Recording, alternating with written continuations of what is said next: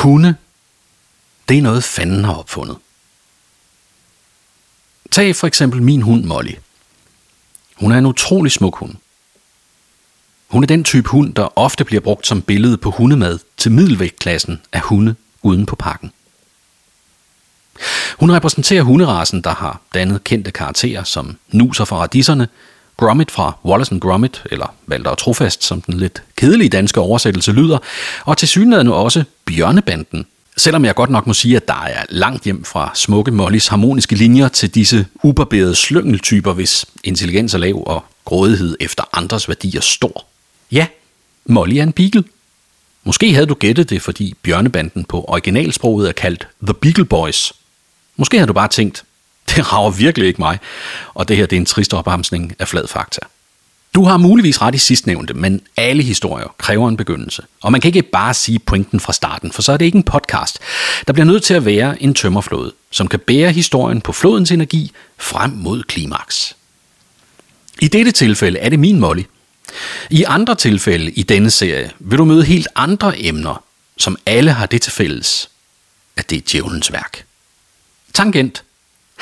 Belært af tidligere tiders premiereoptimisme er dette en serie på seks afsnit, der muligvis bliver konverteret til en længere serie, der kan ende med at blive til en sæson, som måske får en efterfølger.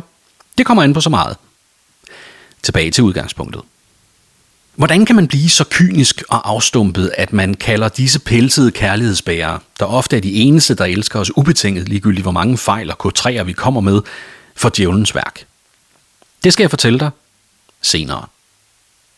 Tangent. Jeg skriver dette en søndag morgen og har lige hentet en blanding af mysli og granola, som jeg spiser, mens jeg skriver. Umærkeligt dukker Molly op på mit ene lår og lægger sit hoved på det, mens hun kigger skævt op på mig med sine dybe, brune øjne og hæver det ene øjenbryn. Jeg stopper med at skrive, rejser mig op og henter en godbid til hende. Man kan diskutere, hvem der styrer hvem. Tilbage til hundehistorien. Når man har en hund, kan man indimellem glemme, hvor instinktstyret sådan et dyr er. Hvilket er tæt på 100%. Man tænker, hvor er min hund dog dejlig, velopdragende og gemytlig over for andre hunde. Ja, det er lige indtil den møder en anden hundhund, som ikke lige accepterer den placering i hierarkiet, som Molly mener, der er. Og så har vi balladen.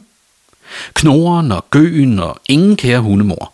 Det er særligt slemt i perioder, hvor hun er i løbetid – så er der kamp om de gode gener, og Molly skal saftsus med ikke give konkurrenterne nogen forpoter. Men det tydeligste sted, hvor man finder naturens rå kilde, er i øjnene. Nogen siger, at øjnene er sjælens spejl. Det er muligt, men først og fremmest er de selve årsagen til, at vi elsker babyer og bigler. Molly og hendes ligesindede har gennem 33.000 års evolution udviklet nogle øjenmuskler, som gør, at en hund kan lave øjenbevægelser, der minder om dem, vi mennesker kender fra vores egne babyer. Det kan ulve ikke, så dem skyder vi i Jylland. Så nogle øjne, mander. De øjne. De skaber en øjeblikkelig omsorgsreaktion, som sender os ud i køkkenet og leder efter godbidder. Eller til at tage snoren frem og gå en ekstra lang tur. Eller måske ligger plier i mørket rejse sig og lukke hunden ind i soveværelset. Efter min mening er det det, der gør hunden genial. Jeg vil aldrig give eller kunne knytte mig til en krokodille eller en hej, men en hund, det er nemt. At den på samme måde som en kødende plante fyldt med nektar, der skal lokke fluerne ind og absorbere dem, har udviklet disse øjenmuskler, fordi det gavner dens instinkter, er mindre vigtigt for mig. Dens behov fylder nemlig også mine behov. Iggy Pop har udgivet en sang, der handler om netop det med hunde og mennesker. Nej, ikke I Want To Be Your Dog. I 2009 udgav han det langt mere tilbagelænede album The Preliminaries, og på det findes sangen A Machine for Loving. Jeg citerer. Kærligheden er simpel at definere, men den optræder sjældent imellem os. Gennem vores hunde hylder vi kærligheden og dens muligheder. Hvad er en hund, udover en maskine, der elsker? Du introducerer den til et menneske og giver den missionen at elske, og ligegyldigt hvor grim, pervers, deform eller dum dette menneske end er, så elsker hunden ham. Hunden elsker ham. Oversættelsen er fri og min, så skyd ikke skylden på Iggy. Han er god nok. Jeg ved ikke, om hunde føler kærlighed eller bare en evig hunger efter solide og sikre fødekilder. Ville vores hunde, hvis de havde udviklet arme og hænder frem for babyøjnene, selv åbne køleskabet og skide os mennesker et langt stykke?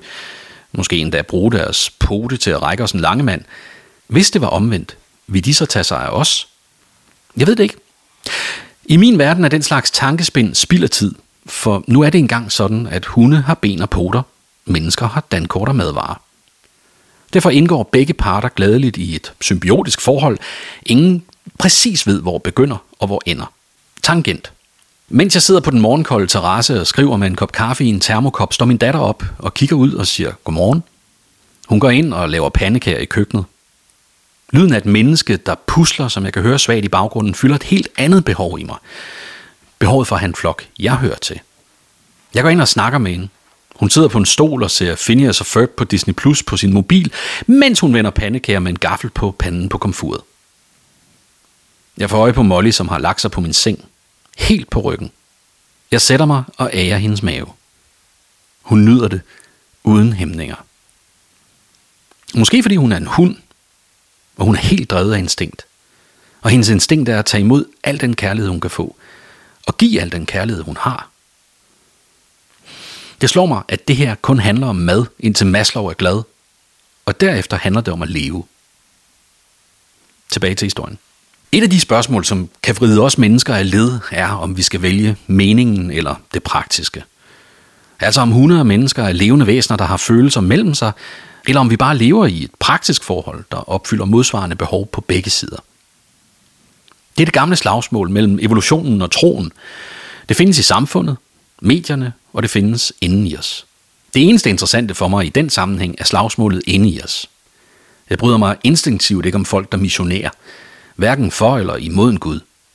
Folk, der missionerer, siger altid, at de gør det for at redde mig, men de gør det altid mest for at redde sig selv.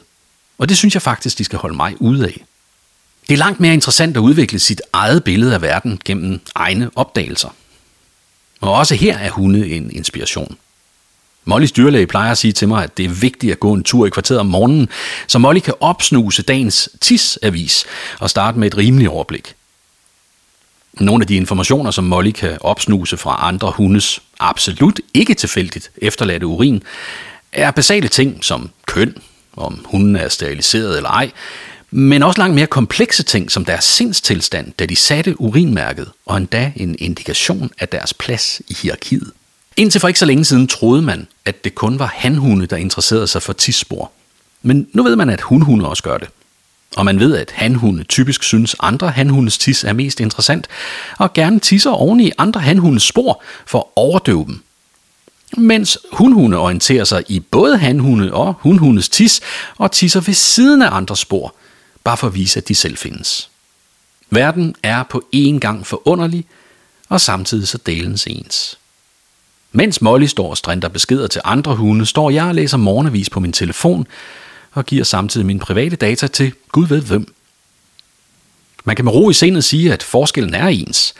En hver, der får snuden i mine cookies, kan nemt afkode både mit køn, min seksuelle drift eller mangel på samme, min umiddelbare sindstilstand, ikke mindst min plads i verden og mine aspirationer. Der er en masse derude, som gerne vil have fat i mig og Molly.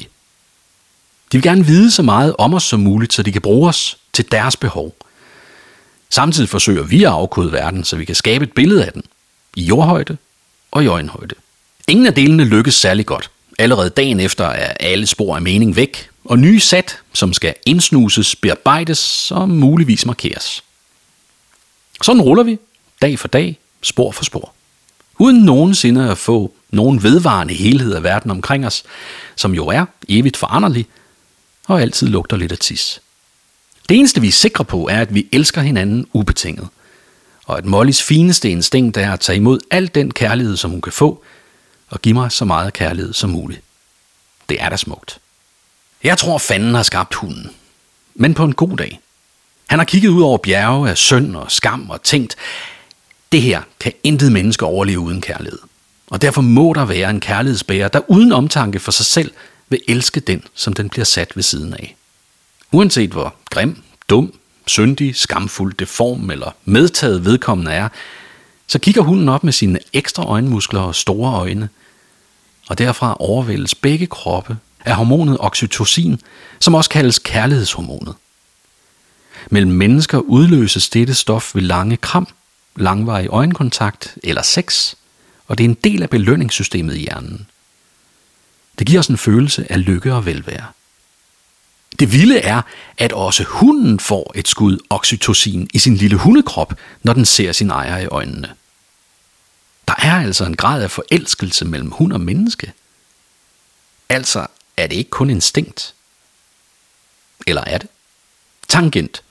Oxytocin er også det stof, der frigives, når en kvindes brystvorter stimuleres og får mælkekirklerne til at trække sig sammen, så mælken presses ud til den ammende baby. Jeg synes, det er helt vildt at tænke på, hvor smart det er. Stoffet, der frigives i din krop, når du ser en baby i øjnene, er også stoffet, der presser mælk ud af brysterne. Naturen er fantastisk og praktisk. Nå, tilbage til slutningen. Her er altså den perfekte forbindelse. To levende væsener, der kigger hinanden i øjnene, og alene derved belønner hinanden med lykke og velvære. Kunne det være bedre? Ja, det kunne være uendeligt. Men eftersom djævlen jo er en fanden, så endte han med at sætte en udløbsdato på.